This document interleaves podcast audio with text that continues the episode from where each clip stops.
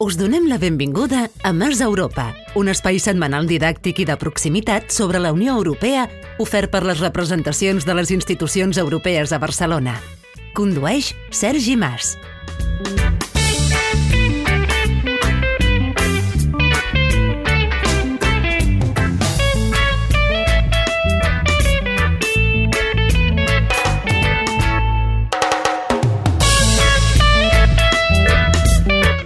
Europa mola.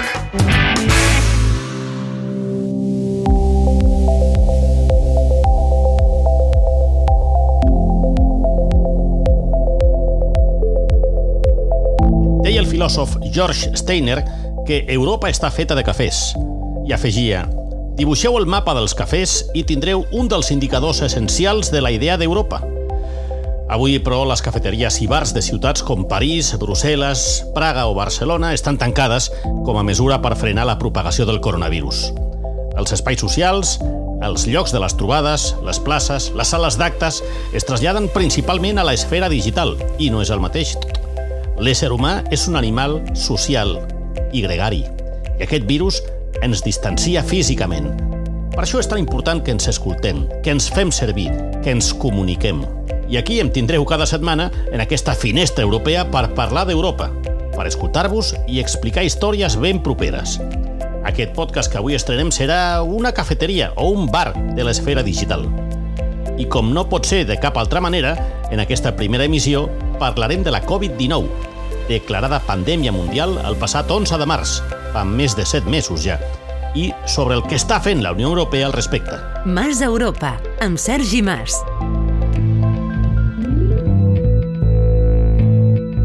L'epicentre actual de la pandèmia és Amèrica, amb més de 18 milions de casos i més de 600.000 morts. A l'Argentina, amb l'aïllament decretat més llarg del món des del passat 20 de març, es parla ja de quaranterna. A Europa entrem en una segona onada del virus i els experts alerten que la tardor pot ser pitjor que la primavera, així que cal extremar mesures i ser especialment responsables. Recordareu els oïdors que, sobretot a l'inici de la pandèmia, hi va haver moltes veus crítiques preguntant on era Europa.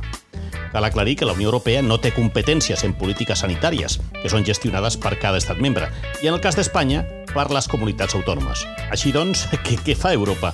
Doncs promoure la coordinació de polítiques a través de recomanacions, però sobretot pren decisions de suport logístic, de distribució de material sanitari o de finançament en la recerca de la vacuna i de tractaments contra el virus.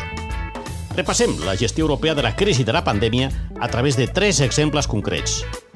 El primer, la principal decisió va ser adoptada el passat 21 de juliol, quan la Unió Europea va acordar el Pla de Recuperació per Europa, anomenat Next Generation EU, un nou instrument de recuperació per la Covid-19 dotat amb 750.000 milions d'euros de cara al període 2021-2024. Vaig a repetir la xifra. 750.000 milions d'euros. El Pla Marshall, oficialment anomenat Programa Europeu de Recuperació, va ser iniciativa dels Estats Units a l'any 1948 per ajudar en la reconstrucció dels països d'Europa devastats després de la Segona Guerra Mundial. Aquell programa estava dotat d'un pressupost de 12.500 milions de dòlars de l'època, que equivaldrien a uns 80.000 milions oficials. Per tant, i perquè ens fem una idea, el pla de recuperació aprovat a Brussel·les al mes de juliol multiplica per 11 el pressupost del Pla Marshall, i Espanya en podria captar fins a 140.000 milions, és a dir, prop del doble del famós Pla Marshall de mitjans del segle XX. En segon lloc, el Parlament Europeu va posar a disposició de les autoritats sanitàries franceses, de forma temporal, la seva seu a Estrasburg perquè fos un centre de diagnosi i consulta pel coronavirus a la regió francesa. Així mateix, l'Eurocambra va preparar en les seves cuines a la seu de Brussel·les 3.000 menús diaris per persones necessitades i treballadors sanitaris. I número 3. En els darrers dies s'ha pactat una mena de semàfor de la Covid-19 que permetrà classificar les zones de risc per, a partir d'aquí, establir mesures de precaució com quarantenes o test PCR als viatgers procedents d'aquestes zones. L'acord és la classificació de les àrees en verd, taronja o vermell, però no les mesures que s'apliquen en cada cas, i això ho decideix cada país. No s'aplicaran mesures a les persones procedents de les zones verdes, i en el cas de les àrees de perill mitjà o elevat, és a dir, taronja o vermell, es deixa la decisió a cada país quines mesures adoptar. I algú que ens escolti podrà dir això dels colors per regions d'Europa està molt bé, però jo el que necessito saber concretament és quines són les mesures que cada país aplica per entrar o per sortir. Per exemple, jo podria anar aquest cap de setmana a Hongria, que tinc família, puc anar o no puc anar? Doncs, de fet, Hongria és l'únic país europeu que actualment no permet l'entrada d'altres persones d'altres països. Al lloc web Reopen EU es pot trobar tota la informació detallada per cada país de la Unió Europea, però també a Noruega, Suïssa, Islàndia i Liechtenstein.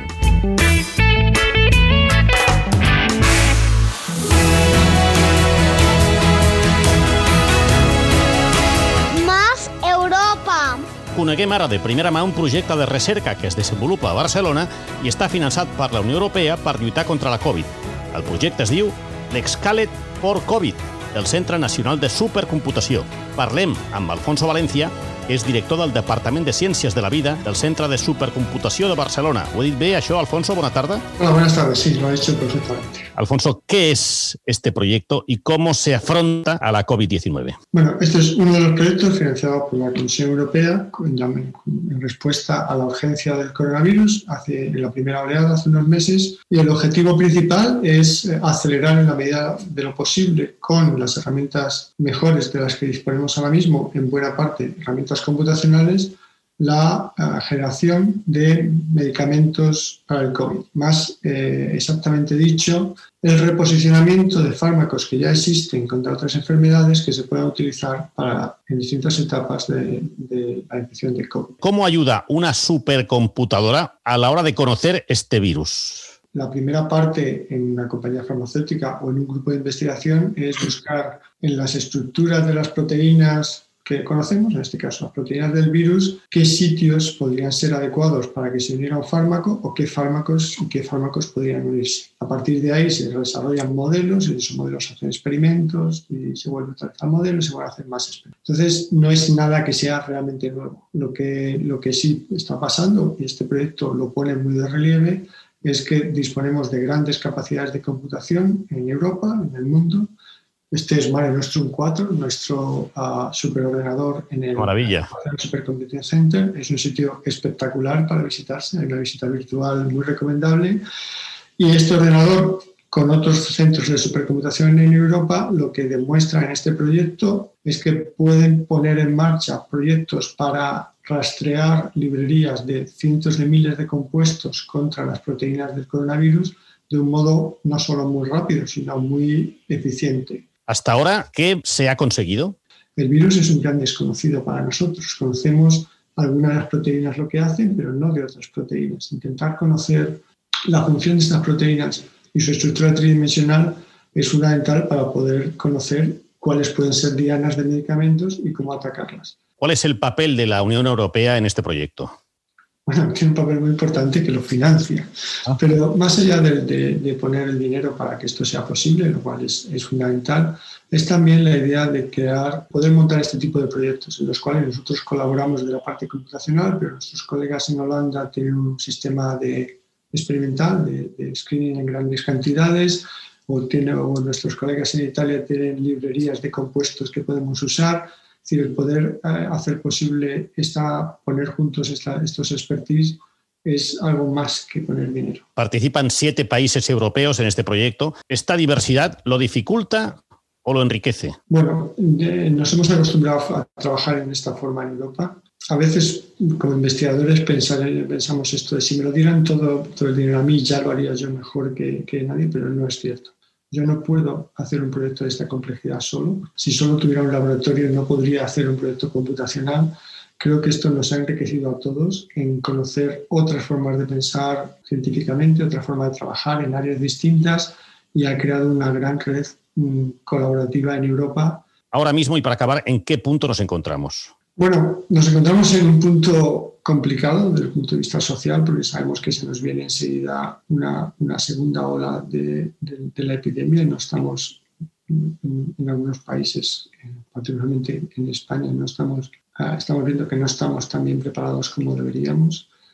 Los, eh, parece claro que desarrollar vacunas en las que también trabajamos uh, en, en, un plazo, en un plazo muy corto es muy difícil, entonces no es, eh, y también que las vacunas que se van a poder obtener van a ser posiblemente parciales. Vemos que se ha mejorado mucho en el tratamiento. Esto es porque muchos fármacos que se pensaba usar hemos demostrado que no se podían usar y otros que no se había pensado usar, vemos que sí son efectivos en determinadas condiciones. Esperamos que se vayan incorporando más fármacos al, al tratamiento, con lo cual vemos que claramente las posibilidades de tratamiento una vez en el hospital han mejorado mucho. Señor Alfonso Valencia, director del Departamento de Ciencias de la Vida del Centro de Supercomputación de Barcelona, gracias por atendernos y un fuerte abrazo. Muchas gracias. Más Europa, mola.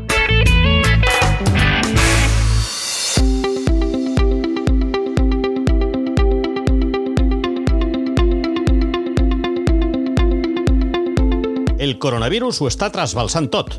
També el programa estrella de la Unió Europea, que és el programa d'intercanvi d'estudiants universitaris Erasmus. L'any 2018, més de 850.000 joves es van beneficiar d'aquest programa i Espanya va ser el país que més estudiants va rebre, amb 51.000, i el tercer país que més va enviar a l'estranger, uns 40.000, només per darrere de França i d'Alemanya.